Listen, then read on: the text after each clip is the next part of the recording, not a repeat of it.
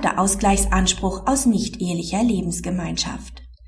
Der Tod des Zuwendenden führt im Fall gemeinschaftsbezogener Zuwendungen in einer nicht-ehelichen Lebensgemeinschaft, die auch zum Zweck der Partizipation am Erworbenen erfolgt, nicht zu einem Anspruch infolge Wegfalls der Geschäftsgrundlage. Zudem schließt der Tod eine Zweckverfehlung aus. Die Erben ihres verstorbenen Vaters verklagen dessen Partnerin auf Ausgleich wegen einer vom Erblasser an diese zu Lebzeiten gemachten Zuwendung. Der Erblasser und die Beklagte hatten ein Hausgrundstück zu gleichen Teilen erworben, wobei ein Teil des Kaufpreises vom Erblasser bar beglichen wurde. Zur Nutzung des Hauses hatten die Partner eine Vereinbarung geschlossen. Die Erben begehren vor allem Ausgleich wegen des auf dem Kaufpreis im Bar geleisteten Betrags.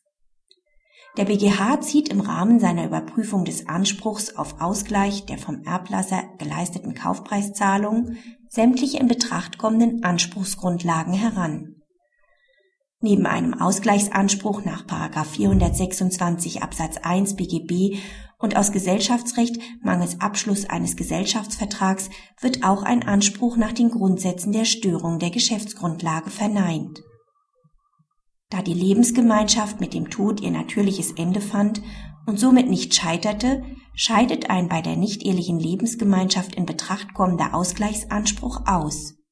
Vorliegend war gerade Inhalt der Vereinbarung zwischen den Partnern, dass eine Partizipation am zugewendeten Vermögen über den Tod hinaus erfolgen und keine den Erben zugute kommenden Ausgleichsansprüche gewollt waren. Auch ein bereicherungsrechtlicher Anspruch aufgrund Zweckverfehlung kommt nicht in Betracht. Der Zweck einer solchen Zuwendung kann in einer Partizipation am zugewendeten Vermögenswert liegen. Dieser Zweck wurde aufgrund des Bewohnens des Hauses durch die Partner bis zum Tod des Erblassers erreicht.